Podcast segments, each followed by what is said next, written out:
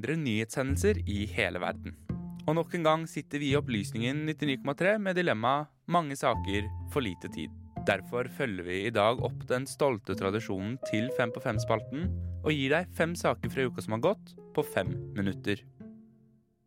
I år vil 15,4 milliarder kroner gå til staten i form av formuesskatt, hvorav 14,1 milliarder kroner blir betalt av de 10% rikeste.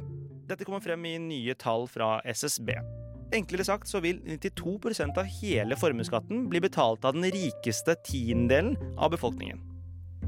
SVs finanspolitiske talsperson Kari Elisabeth Kaski sier til NRK at tallene viser at formuesskatten i all hovedsak betales av de superrike i Norge, og at det rett og slett er en veldig rettferdig skatt som gjør at de rikeste bidrar mer til samfunnet. Finansminister Jan Tore Sanner minner om at Høyre ikke vil fjerne hele formuesskatten, og at de ønsker å redusere ulikhet. Men at de vil sørge for at folk som har aksjer i bedrifter, får mindre skatt.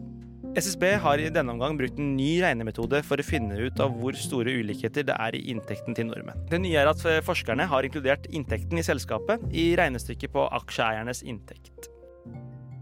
I 2020 foregår mye kriminalitet, ikke bare fysisk, men også i den digitale verden, og man har flere grupper som driver med såkalt datakriminalitet.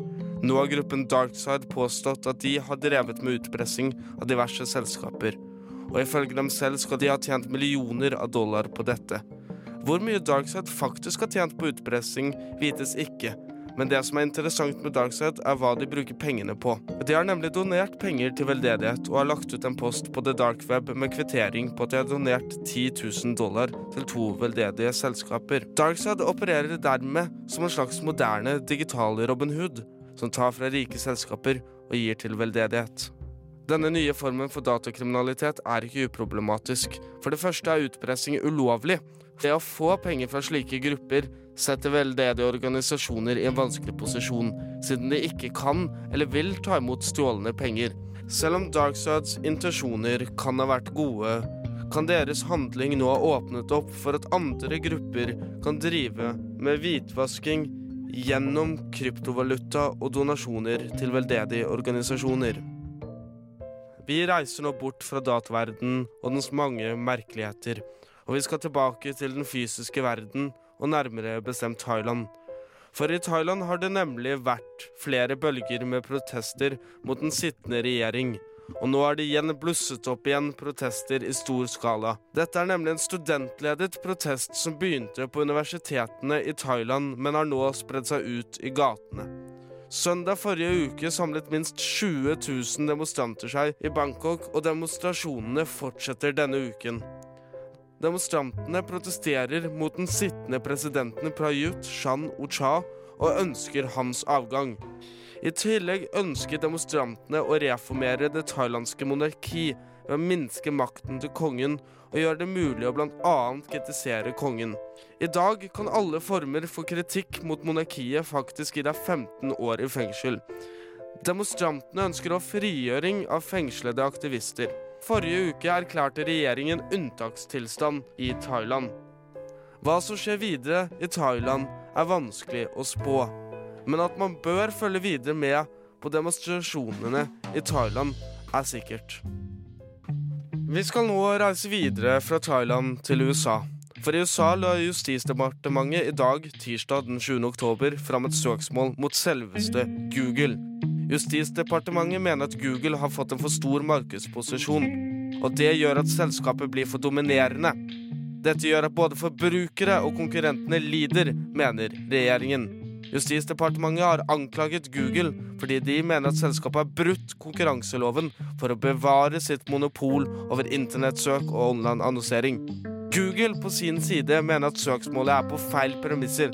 At Google ikke tvinger folk til å bruke de, men at folk velger Google fordi de tilbyr det beste produktet.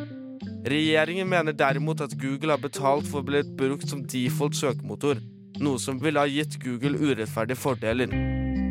Google sier at det er folk og selskaper som velger de selv fordi de tilbyr, som sagt, det beste produktet. Google sier nå at det kom et mer detaljert motsvar mot Justisdepartementets anklager den 21. oktober.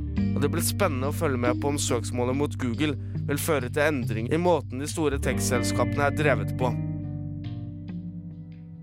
Den amerikanske romfartsetaten NASA planlegger å reise til månen i 2024. Og sammen med Nokia skal de for første gang bygge 4G-nettverk på månen. Avtalen mellom Nokia og NASA skal være verdt omtrent 14 milliarder dollar, og er en del av et større romferdsprosjekt kalt Artemis. Det er investert 370 milliarder dollar i Artemis-prosjektet, hvor store deler av budsjettet går til aktører som SpaceX og United Launch Alliance, og er knyttet til at fartøyene skal få astronautene opp til månen. Valget av Nokia som partner i dette romfartsprosjektet var neppe tilfeldig, ettersom at Nokia hadde lignende planer i 2018. Da samarbeidet de med den britiske telefonoperatøren Vodafone for å bygge et 4G-nettverk på månen. Denne planen inkluderte også en høykvalitets videostrøm fra månen som skulle sende data tilbake til oss på jorden. Men denne planen ble det aldri noe av. Og denne ukens eh, Fem på fem er eh, undertegnet eh, Trym Fjellheim Karlsen og Sunny Sharma. Vi skal videre.